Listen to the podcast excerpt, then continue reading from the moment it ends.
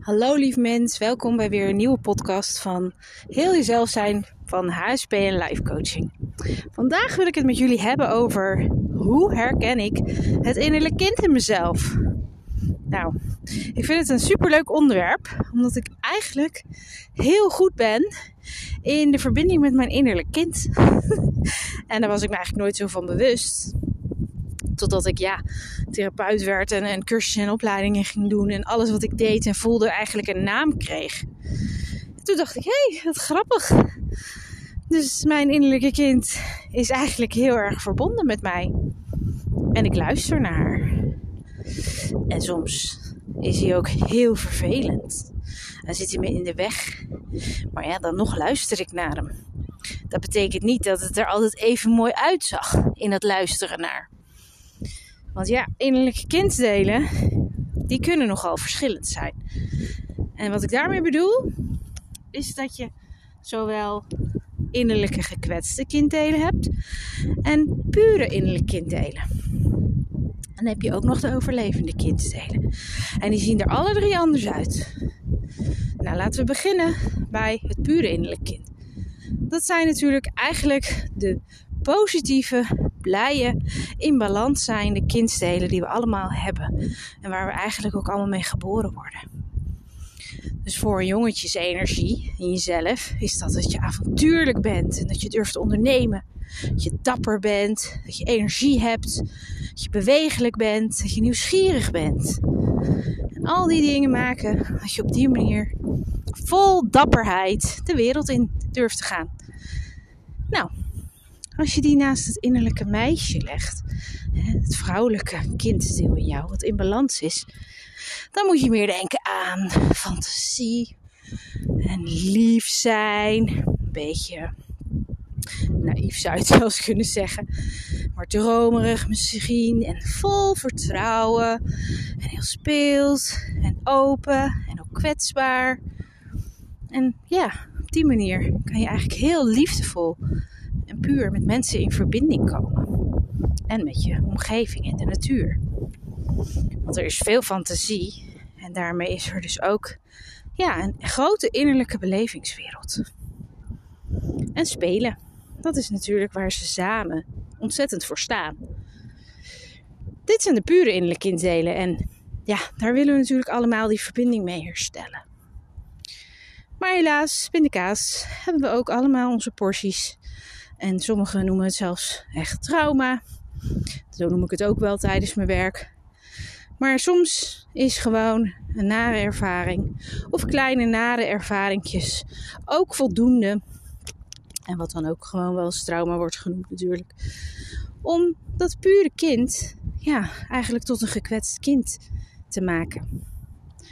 Want een gekwetst kind is niet meer dan een kind dat eigenlijk gewoon niet of onvoldoende wordt gezien, wordt bevestigd, wordt erkend. Niet voldoende de ruimte kreeg om te zijn wie die was. Niet genoeg voeding daarvoor, niet genoeg steun. En dan trekt het zich terug of het wordt verdrietig, hulpeloos, angstig, paniekerig. Gaat misschien zelfs pleasen in de hoop om toch te krijgen wat het nodig heeft. Of het gaat juist nou ja, zich terugtrekken in de hoop dat het niet nog meer gekwetst wordt. Vanuit de jongetjesenergie zal je zien dat er boosheid is. Of drammerigheid, opstandigheid. Eh, misschien zelfs rebelsheid. Maar ja, die energie is heel erg naar buiten gericht. En daarmee dus ook niet echt positief voor de omgeving. Dit zijn de energieën die we ook allemaal wel herkennen. En sommige van ons zullen die energieën direct laten zien. Anderen die ontwikkelen daar een copingstrategie op. Dat noemen we dan het overlevende kind. Stel je voor, je voelt je heel angstig en onzeker. Wat doe je dan als je daar een copingstrategie op zet die ja, eigenlijk voor elkaar wil krijgen dat jij jezelf toch staande houdt dan blaas je jezelf bijvoorbeeld heel erg op. En als een soort van stoere, gevoelloze bottebert zorg je dat je dan op het podium verschijnt. In de hoop dat de mensen erin trappen. In de hoop dat je op die manier toch kan doen wat je nodig had. Of dat je doet wat je nodig had. Om te krijgen wat je nodig had. Kan ook andersom. Kan ook zijn dat je heel erg boos bent. Dus hè, als innerlijk kind. En dat je juist de boel gaat manipuleren. Om op die manier te krijgen wat je nodig hebt. Mensen het niet doorhebben. Dat je eigenlijk alleen maar bezig bent om je zin te krijgen. Of misschien word je super egocentrisch. Of misschien word je wel heel kil. Kan ook nog. Hoe dan ook, dit zijn allemaal maniertjes bij jouw innerlijk kind om zich op een valse manier groter te maken dan dat hij zich eigenlijk in de kern voelt. En dat was dus het innerlijk kind, dat het overlevende kind wordt genoemd. Nou, van deze podcast wil ik eigenlijk heel erg de nadruk leggen op die blije innerlijke kinderen in ons. Hoe herken je die? Want die zijn natuurlijk het allerbelangrijkste als het gaat om hoe kan ik lichtheid in mijn leven creëren? Hoe kan ik een compensatie naast mijn volwassen serieuze leven leggen die mij gewoon licht en vreugde brengt? Waardoor ik innerlijk balans ervaar. En uiterlijk daardoor ook. Nou, ik zal je wat voorbeelden geven die ik ja, uit mijn eigen ervaring ken. Kijk, ik had vroeger een enorm boos, innerlijk gekwetst kind in mij. Dus dat is meer de jongetjesenergie. En nou ja, als ik nu naar mezelf kijk, denk ik, ja, dat klopt wel. Want ik ben ook best wel een, nou ja, ik kan best extravert zijn. Ik kan best heel veel energie hebben. Dus die mannelijke energie in mezelf is er zeker. En dat deel in mij, ja, was als kind vaak boos. Boos omdat ze niet gezien werd. Boos omdat ze niet gehoord werd. Niet begrepen. En daardoor ook niet mocht of kon doen wat ze eigenlijk wou. Nou, dat is inmiddels een ver van mijn bedshow. En daar ben ik heel blij om. En daar heb ik heel veel innerlijk kindwerk voor moeten doen. Maar het heeft vruchten afgeworpen. En wanneer ik nu boos ben om iets, of verdrietig, dan zeg ik gewoon tegen mezelf: Lief, ik snap dat je teleurgesteld bent. Het is ook helemaal niet leuk. Maar ja, je snapt ook misschien wel, hè? Vanuit volwassen innerlijke zelf zeg ik dan. Ja, deze persoon die heeft ook gewoon ja, zijn eigen stukken. Of ja, die moet ook voor zichzelf zorgen en voor zichzelf opkomen. Het is niet zijn taak om jou alles te geven wat je nodig hebt. Dus ja, die begrip voor jezelf is natuurlijk heel erg nodig. Voordat het pure kind überhaupt naar voren komt. Maar wat ik nu doe, als ik blij ben, dan wil mijn innerlijk kind spelen. En mijn innerlijk kind houdt heel erg van grapjes. En dat zijn soms hele droge grapjes, soms een beetje gemene grapjes. En ik sta mezelf die gemene grapjes ook toe. Want ik weet dat ik in de kern helemaal niet gemeen ben. Als er iemand is die veel van mensen houdt, die veel mensen wil helpen om gewoon heel te worden, om zich te herinneren wie ze zijn, zodat ze juist al die aspecten in zichzelf kunnen omarmen en liefdevol kunnen aanschouwen, zonder oordeel. Juist dat zit in mij. En daarom kan ik mezelf ook toestaan dat ik tegenover al dat licht en liefde in mij, wat ik wil verspreiden. Ook een beetje een donkere kant heb. En die komt er vooral in de vorm van grapjes uit. Ik noem het nu, gekscherend, innerlijke balans. en het geluk is dat mijn partner daar heerlijk in mee kan gaan. En zoals we dat nu zo een beetje hebben geanalyseerd met z'n tweeën, hoe onze innerlijke kinderen elkaar ontmoeten en graag met elkaar spelen, ziet dat er eigenlijk een beetje uit als twee baldadige pubers die botte grapjes maken en daarbij net zo hard om zichzelf lachen als om anderen. Beetje onnozel dus soms, maar oh zo heerlijk. ja, en niet iedereen begrijpt dat altijd, die grapjes, maar dat geeft niks, want wij begrijpen elkaar gelukkig heel goed. Ik ben ook nog tien jaar enig kind geweest, dus dat heeft ook nog met zich meegebracht dat ik ook heel goed met mezelf kan vermaken en ook graag tegen mezelf kan kletsen. ja, soms zelfs hardop. Wat ik nog meer heel erg leuk vind, of wat mijn innerlijk kind mij eigenlijk, laat ik het zo zeggen, laat doen, is als ik bijvoorbeeld een stukje ga wandelen, dan kom ik dieren tegen. Ik zeg ze altijd gedag. Soms zeg ik zelfs nog eerder de honden gedag dan de baasjes, of helemaal niet de baasjes, omdat ik voel dat de baasjes een hele nare energie hebben. En dan zeg ik in gedachten tegen die hond van, goh, je hebt het getroffen. Dan geef ik ze een knipoog. Of ik geef gewoon een knuffel of een aai. Of ik zeg gewoon hoi. Alsof het, ja, mijn vriendjes zijn. En mijn innerlijke kind vindt dat super normaal. En mijn innerlijke volwassene kan zich ook voorstellen dat het baasje of andere omstanders daar wellicht iets van zouden kunnen vinden. Als in, wat een raar mens. wat een gekke vrouw. Of, uh, zij is zeker niet helemaal goed.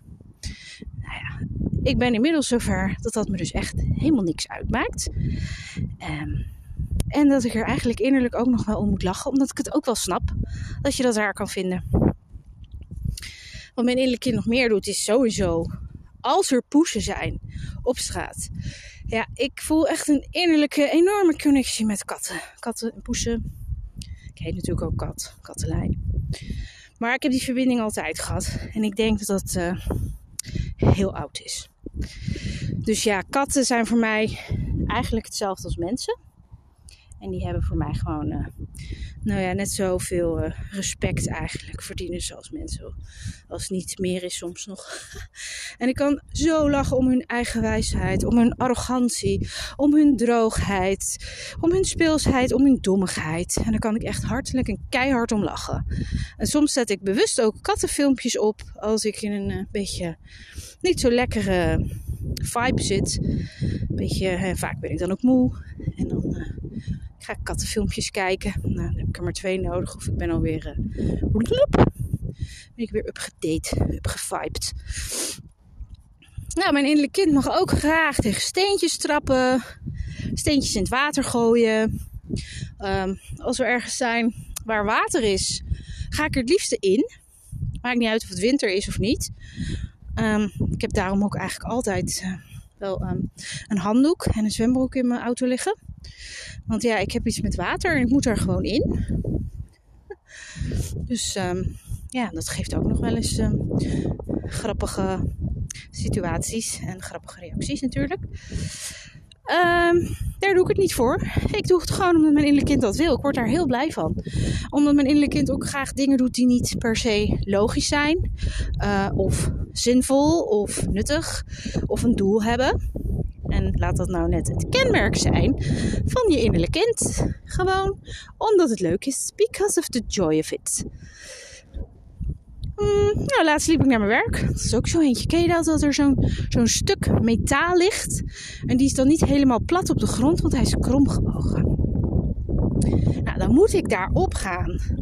En dan ga ik springen. Want het is alsof je op een springplank staat. Nou, geweldig vind ik dat. en uh, bloemetjes plukken. Haarbandjes van maken. Dat is natuurlijk typisch het innerlijk meisje. Uh, mijn innerlijke jongetje, ja, die komt ook nog wel eens baldadig om de hoek. Uh, iets minder vaak moet ik zeggen, nu ik toch een rol heb waar, die ik heel serieus neem. Hè? Een soort van uh, voorbeeldfunctie. Ik bedoel, ik ben tenslotte moeder. Ik ben ook ja, therapeut en coach. Tuurlijk, ik ben ook nog mens. Maar ik vind niet dat ik altijd in elke setting mezelf zo kan laten gaan. Dus dat doe ik dan ook niet. maar ik hou heel erg van uh, geintjes uithalen. Dus uh, ja, dat zijn ook dingen die ik uh, mag doen. En ja, wat vind ik nog meer heel erg leuk van mijn innerlijk kind? Oh ja, schilderen. En dan niet, ga ik niet bedenken wat het wordt. Ga ik gewoon beginnen. Mijn dochter gaat dan vaak meedoen. Dan schilderen we gewoon de dag van ons af. En dat is echt super fijn. Dus uh, ja, dat is ook iets wat ik graag doe. Ik hou er ook heel erg van om gewoon naar een bos te gaan wat ik niet ken. En gewoon ja, op avontuur te gaan. Dat is wel weer mijn innerlijke jongetje. En dan weet ik niet waar ik uitkom. En dan vertrouw ik er gewoon blind op. Dat ik geleid word. En dat ik echt op mijn intuïtie kan vertrouwen. In het ergste geval zet ik mijn maps aan. Of erger nog, Ik moet overnachten. En de volgende dag eh, vind ik het uh, wel weer terug. Ik heb altijd eten en drinken bij me. En een soort van overlevingspakket. Omdat ik vroeger altijd naar Vanessa Speurneus keek. En ik stiekem hoopte dat ik ook een soort MacGyver kon zijn. dus um, ja, dat vind ik eigenlijk super tof om te doen. Ben ook niet voor niks een keer alleen op vakantie geweest. En ik heb toen een scooter gehuurd. En ik ben gewoon het eiland rond gaan rijden. En ik had zoiets van wauw. Ik voel me zo vrij. Zoveel avontuur. En uh, ja, dat zijn allemaal innerlijke jongetjes in mij. Dus als jij iets hiervan herkent, dan weet je dat dat je innerlijke kind is. En wat ook leuk is, dat deed ik vooral toen de kinderen iets kleiner waren, is gewoon met je kinderen meespelen. En ik zal je eerlijk zeggen, ik hield daar helemaal niet van, hè? Niet zoals zij speelden. Dat is ook zoiets van, ja jeetje. Totdat je je eraan overgeeft en bedenkt, oké, ik ga het doen vanuit mijn ja, volwassen perspectief. En tegelijk met mijn innerlijk kind. Dus dan krijg je echt de meest hilarische situaties. Want zij doen het natuurlijk vanuit hun kind zijn. En ja, laten we wel wezen, het slaat nooit echt ergens op. Um, sorry als ik nu mensen beledigd heb. Ik bedoel het niet oneerbiedig. Maar ik bedoel ermee dat het, ja, dat is echt een kindbeleving natuurlijk. En ja, dat kind weet zelf nu natuurlijk ook niet waarom het dat doet. Um, hoewel bij weten dat het vaak nabootsing is. Maar als ik met mijn innerlijke kinderen ging spelen met mijn kinderen. En dat was dan bijvoorbeeld met Barbies of zo. Of uh, met Lego. Of het leukste nog, hutten bouwen. Nou, dan deed ik dus mee. En dan moest ik eigenlijk vooral ook heel erg lachen om het feit dat ik dus als volwassen vrouw mezelf daaraan overgaf. En dus serieus onder de tafel lag met allemaal dozen over ons heen. En onder die dozen lagen boekjes en een lampje en een bekertje om te drinken en een tekentje. En dan gingen we dan boekjes lezen. Nou, en dan ging ik ook echt slapen. Dan ging snurken. Moesten ze natuurlijk weer keihard lachen. dus dat soort dingen, ja, die maakten gewoon dat ik het toch wel leuk vond om kind te zijn met de kinderen. Ben ook niet voor niks, denk ik, zo lang in de kinderopvang werkzaam geweest.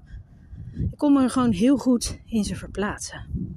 En als je dan vanuit een semi-volwassen plek ook kinderlijk je met die kinderen verbindt, dan krijg je echt de meest humoristische situaties. En dat is uh, genieten. Dus ja, ik, uh, ik denk dat ik nu best wel wat van die dingen gedeeld heb.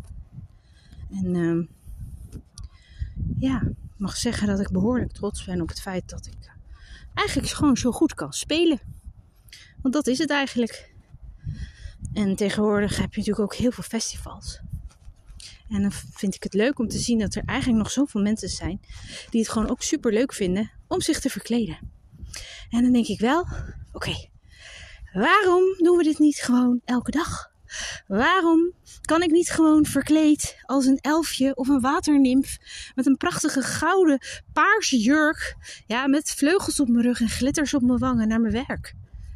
Ik bedoel, het aanblik alleen zou waarschijnlijk al een glimlach op jullie gezicht toveren. Maar goed, ik hoor mijn innerlijke volwassen man al zeggen, daar word je toch niet meer serieus genomen. Nee, dat ook. en daarom doen we dat dan maar niet. En in het volwassen leven zetten we ons innerlijke volwassenen dan toch maar eventjes voorop. Maar vergeet vooral niet te spelen. En vergeet vooral niet die balans te bewaken. Nou, ik ben heel erg benieuwd wat jullie allemaal doen. En uh, dan bedoel ik dus vooral jullie innerlijke kinderen. Um, in jullie volwassen leven. Vind je het leuk om een bericht achter te laten? Vind ik super tof. Bijvoorbeeld op mijn Instagram. Of hè, DM me gewoon. En misschien heb je zelfs wel een onderwerp waarvan je denkt: Kat, kan je daar niet een keer wat over vertellen? Of uh, hoe zie jij dat? Vind ik echt heel leuk. Dus laat gerust een berichtje achter en dan uh, ga ik ermee aan de slag. Nou, bedankt u voor het luisteren en uh, tot een volgende keer.